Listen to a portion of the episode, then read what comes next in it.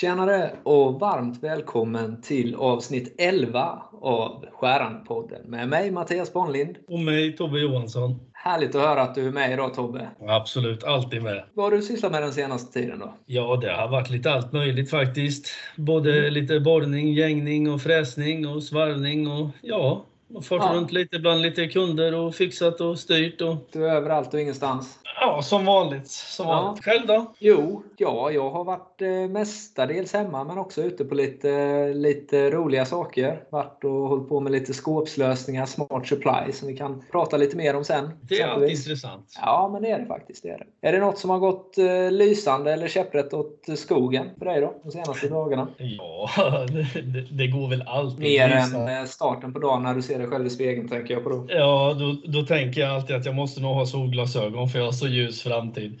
nej, nej, men skämt åsido. Nej, jag har varit ute på ett par små grejer som faktiskt har gått eh, riktigt eh, bra. Bland annat så eh, har jag varit iväg och fräst lite grann hos en kund. Okay. Vi körde ett spår i vanligt stål helt enkelt. Och eh, han eh, körde med en solid pinnfräs, fyrskärrig. Okay. Hårdmetall eller? Ja, hård, hårdmetall. Och eh, han hade väl ett par olika sätt att göra det här spåret på. Han, eh, den ena metoden var att han helt enkelt borrade ett hål i ena änden och sen fräste han. Han stegade sig ner liksom. Gick ner 3 mm, fräste fram och tillbaka, ner, fräste fram och tillbaka. Det här tar ju lite grann tid. Var det en skrubbfräs eller? Ja, typ.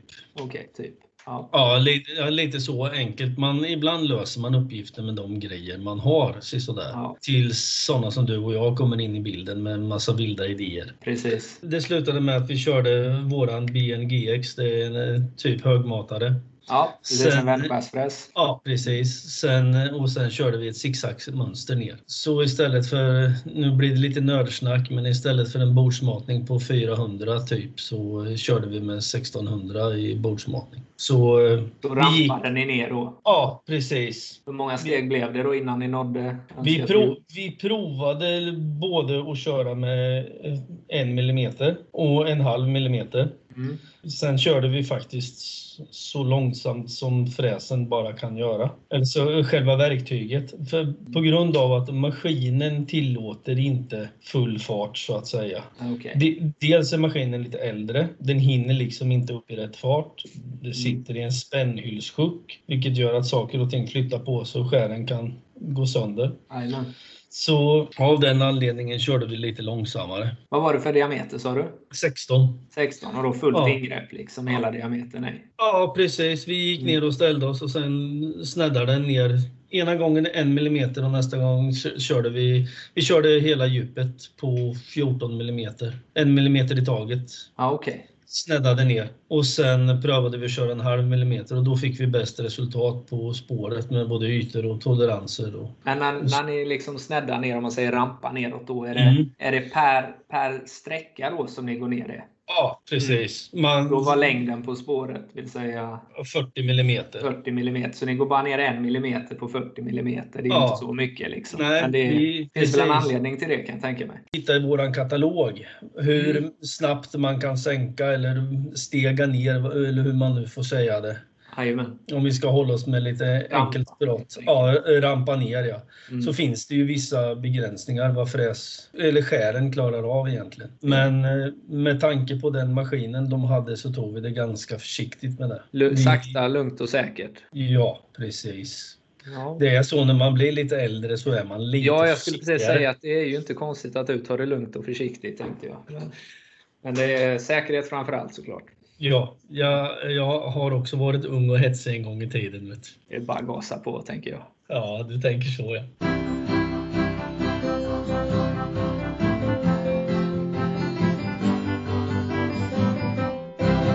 Nu känns det som jag har bläddrat väldigt länge. Vad, har du gjort något spännande? Du pratade något om några lösningar med skåp eller vad? Ja, men precis. Vi håller ju på lite. Vi, vi har ju numera också möjlighet att offerera verktygssystem 2.0 som vi kallar det, eller Smart Supply som det heter lite i folkmun. Mm. Det är ju då alltså ett eh, verktygsskåp som man ställer eh, ute i sin eh, verkstad där man producerar helt enkelt. Och detta verktygsskåpet är väldigt smidigt. Det är digitalt kan man säga. Inget för mig alltså? Också. Ja, säg inte det. Det kan förenkla ditt liv, eh, även ditt liv som säljare väldigt mycket faktiskt. Eh, själva, själva kruxet är ju, eller nyckeln i det är ju att det det som man behöver ha på plats det finns alltid på plats och den här kommunikationen mellan operatör och inköpare på ett företag, den behöver inte hållas utan allting sker per automatik kan man säga. Så det är ju en enda lösning kan man säga för inköp, kostnadskontroll, lagerhantering utav de materialen som förbrukas i, ute på, på verkstäderna. Det är ju en säker kontroll av att man har grejerna på lager. Liksom. Eh, det man kör oftast. Mm, mm, brukar det låter, mm. låter. Men är det någonting som är tillgängligt för alla eller är det bara? Ja, det är ju egentligen tillgängligt för alla kan man säga. Det, de som behöver det är ju de som har lite större produktioner. Man kan säga mm. att man för att det ska betala av sig behöver man i alla fall åtminstone ha 5 10 CNC-maskiner som går ganska mycket. Och då ja, en 30 man eh, som jobbar med produktion då liksom. För att det ska betala av sig. Eh, om man säger att det ska vara värt det. För annars har man lite mindre produktion och sådana bitar så, så är det onödigt att ha ett skåp. Då, har, då är man lite färre gubbar och kan ha, man har koll på sitt. Liksom. Men när man har många, flera maskiner som kanske använder samma verktyg i vissa delar av sin produktion och eh, flera andra där man liksom har flera operatörer som går och hämtar samma grejer. Så mm. är det ju mm. en väldigt smidig lösning liksom att se till så att det alltid finns till alla så att inte en person roffar åt sig alla verktyg på ett bygge liksom och håller dem i sin låda. Om man Nej, precis. Nej, det är klart. Man kan, ja, man kan styra det så också alltså. Jajamän. Nej, men enkelt förklarat om jag har förstått det hela rätt. Det fungerar i princip som en läskautomat. Man eh, trycker lite på knapparna och sen kommer det en Coca-Cola om man vill ha det, eller en Fanta om man vill ha det. Ja, lite så. Om vi säger du går till jobbet på morgonen och så är du sugen på en Coca-Cola. Då, mm. Eh, så kan ju, då går ju du till närmsta automat. Eh, mm. Ja, du lägger i en peng, det gör man ju inte i detta fallet. Utan då knappar du in. Ja, man loggar in med sin användare. Det kan man mm. göra på flera olika sätt. Det är ju många i branschen som, har, eh, som jobbar på det här sättet med verktygsskåp just nu. Mm. Eh, och Man kan logga in med ansiktsigenkänning och fingeravtryck och läsning och sådana bitar också. Så det är avancerade grejer. Men mm. du loggar in där, klickar in vilken läsk du vill ha och sen så antingen öppnas det en låda där bara den finns, så plockar du ut den. Eller så kommer den ner i en liten lucka där du kan plocka ut den. Liksom. Så det finns eh, lika många olika skräddarsydda typer av eh, skåp eller läskautomater i det här fallet då, som det finns eh, verkstäder kan man mm. säga. På tal om det här med gammal och ung, det är som vanligt alltså. Du har bara suttit och klickat på en massa knappar och, och datorer eller har du varit ute och gjort något i verkligheten också? ja du, satt jag nästan i halsen på det påhoppet. Ja. Men, eh, Nej, saken är att du löser nästan allt genom att sitta och klicka. Det är ju det det går ut på. Nej, jag har, jag har faktiskt varit ute en del också. Du var inne på fräsning. Jag har också varit och fräst lite. Mm. Diverse detaljer. Hade ett intressant eh, case där vi skulle fräsa en fin yta på, ja låt, låt kalla det ett, eh, ett rör på insidan. Där vi skulle fräsa upp eh, diametern lite. Mm, mm. Eh, och det var som sagt eh, härdat material och det fanns ett långt utstick. Så vi testade detta och första resultatet blev som så att eh, dels så var det lite små vibrationer och sen så blev det lite olika hugg vid varje stepover om man säger. Så det var ju lite, lite förvånande att det blev så på första. Då tänker man, det var ju i det här fallet en 90-gradig hörnfräs. Mm. En eh, SAD 11 Pramets eh, klassiska ADMX, man säger, som finns i allt möjligt. Och den hade ju skär för härdade material också. Mm. Så därför hamnade första testet på den. Och då blev det ju lite lurigt där faktiskt. Vad fasiken har hänt? Har vi ställt in den? Den kan ju inte vara 90 grader inställd, eller vad är det som är fel på då? Så det fattade jag först inte vad det kunde bero på. Så vi testade en annan fräs. Uh CNHX, eh, den produkten vi tog fram för formgjutnings, eh, som ett unikt formgjutningsverktyg. Då. De eh, skären som har en liten viperform på sig för att man ska kunna öka matningen och få en ännu finare yta. Eh, så den drog vi till med först då och eh, körde med. Den här fräsen var tvungen att ha en väldigt, eller applikationen i sig hade ett väldigt långt utstick. Den var ju nästan 80 mm ner från sin hållare. Mm. Och så var materialet härdat. Så ytan blev okej, okay, men det var lite tecken på vibrationer. Det gick inte helt optimalt, men eh, det är faktiskt någonting som fortgår. Vi ska testa lite mer där senare. Men när jag gjorde detta så kollade jag över på den nya, när jag testade test nummer två då, mm. så tittade jag över på, låt säga då man säger skärdjupet vad man kan ta. För I och med att den är Viper så var man tvungen att ta någonstans mellan 0,5 till 0,6 mm för att det skulle ta 90. Tar man över det så blir vinkeln, bearbetningsvinkeln 93 grader istället. Och när jag gjorde det så tänkte jag på den fräsen som vi körde först då. Och då kom jag fram till att anledningen till att det blev såna här skarvar, kanter om man säger, det var ju för att skärdjupet var alldeles för lågt. Så den tog ju, den tog ju inte över hela nosradien helt enkelt.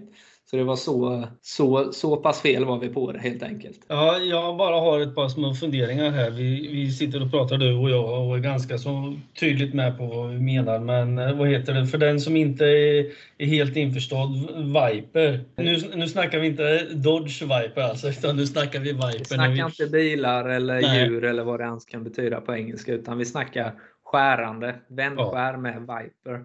Ja. Eh, ja, vad var det egentligen? Det var väl något som togs fram för 15-20 eh, år sedan. Ja. Branschen och blev lite revolutionerande faktiskt. Alla vändskär har ju då en nosradie som eh, då styr en stor del.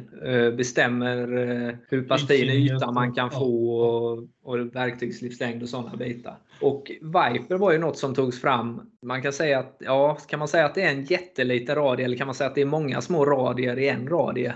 Du kan, jag, jag tycker man kan använda bägge begreppen. Egentligen. Ja, egentligen kan man väl det. Ja. Och det innebär ju då att man kan köra väldigt, väldigt låga skärdjup och lite högre matning då med mm. Viper. Det är det som är själva funktionen, alltså att man kan slicka av ytan snabbt och lätt. Och Det funkar ju på samma sätt egentligen, både vad gäller fräsning och svarvning. Ja, vad det gäller svarvning kan man ju även om man säger om man kör med en vanlig 08 platta eller nosradie 08 ja. så kan man nästintill dubblera matningen och behålla ytfinheten i princip. Så det, det beror ju lite grann på vad man har för jobb och vad man har för ytkrav och, och detaljer. Ja men precis. Man kan ja. ju som du säger, man kan ju försnabba processen något så enormt med Viper. Mm. Också. Men framförallt så är det ju ytfinheten som den kan ge också. Jag har ett par funderingar till på det här som du var och grejade med. Du sa att du fick ett hack i övergången om vi så säger. Ja, precis. Var det, var det ett hack vid varje varv? Ja, det var det. Var, var det en ny maskin eller var det en äldre?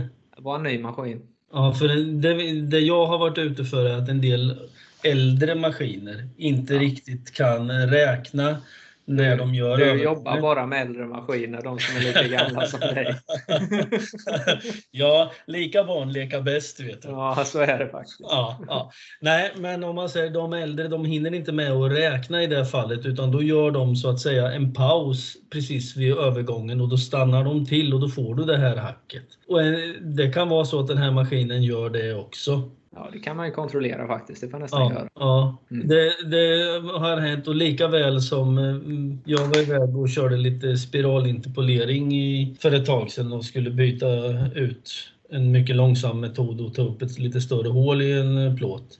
Mm. Där eh, hann inte fräsmaskinen med att räkna, för vi körde även då med en högmatare. Då hinner den inte att räkna ut radien på varvet runt. Då blir, då blir hålen ovala. Den tar liksom den närmsta vägen hela tiden. Så i det fallet brukar man få sänka matningen. Mm. Så kommer man upptäcka att hålet blir rundare. Det är sådana tricks, det är såna tricks man snappar upp med åren. Så, ja, jo, ja, absolut. Oroa Erfarenhet inte. är verkligen viktigt i den här branschen. Ja. jag ska, inte, jag ska inte förminska det på något sätt. Det kommer ingen, det kommer ingen kommentar eller någonting. Utan långsamt och gammalt är inte alltid dåligt. Nej, det, jag har nog sagt det förut tänka fort är bra, men tänka rätt är bättre.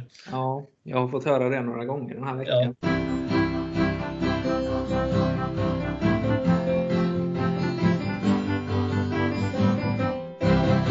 Det finns ju en ny variant, eller om man så får uttrycka sig. Alltså du som är ung och stark och även dynamisk. Ja, just det. vi kan väl snacka lite dynamisk fräsning också. Det kan vi göra.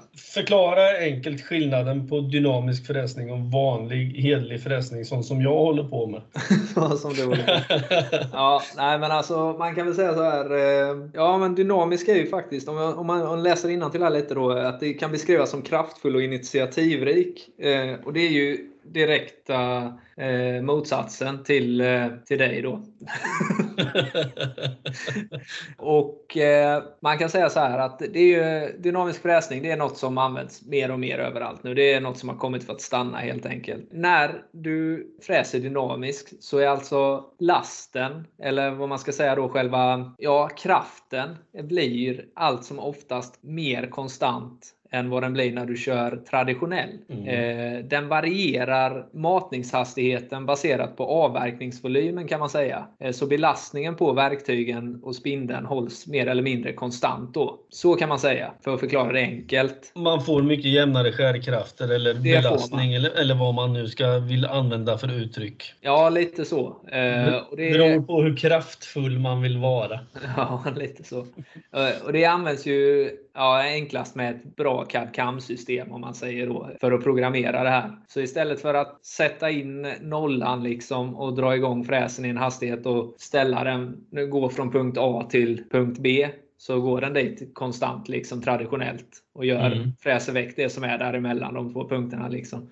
Så dynamiskt, då ritar du upp ditt CAD-system och kör din bearbetning där. Och då tar den vara på de här faktorerna och tar hänsyn till en hel del andra grejer och justerar då matning baserat på den avverkningen den gör under tiden. För den kan ju variera. Även om du bara gör ett spår så kan ju faktiskt det vara att du tar lite mer på ett ställe och lite mindre på ett ställe och så faktiskt. Eh, så det kan ju variera och då, då justerar den det under tiden tiden. Och detta så, är, eh, det är ju faktiskt idealiskt för när man bearbetar tuffa material. Då är det dynamisk fräsning faktiskt mer eller mindre ett måste. Mm. Om man ska vara med i matchen så att säga. Kort sagt är det som vanligt. Jag gör saker handgripligen och du trycker på knapparna. Du ritar, ja, i, CAD, du, du ritar i CAD. Ja, jag tror vi gör, vi gör nog lika mycket men ja. jag får mer gjort. Nej, men uh, ska man beskriva det lite enkelt det här med att kadda också så uh, kan du ju göra väldigt komplexa detaljer på ett väldigt smidigt sätt. Det går ju inte att stå och handknacka ett sånt program. Nej, herregud. Vi snackar ju om en kilometer papper om man ska skriva ut det. Ja, det blir, eh, ett litet program blir ju snabbt 15-1600 rader liksom, om man säger. Mm. Det, det är mycket kod som görs med ett enkelt knapptryck så att säga. Och med det sagt så vill jag och min eh, gamle vän Tobbe tacka dig som lyssnat på dagens avsnitt av Skärandepodden. Har ni några frågor eller eh, åsikter så får ni mer än gärna mejla oss på info.se dormepramet.com. Vi läser alla mejlen där. Ha det gott! Ha det bäst! nu ska allt vara väl. Hej då! Hej då!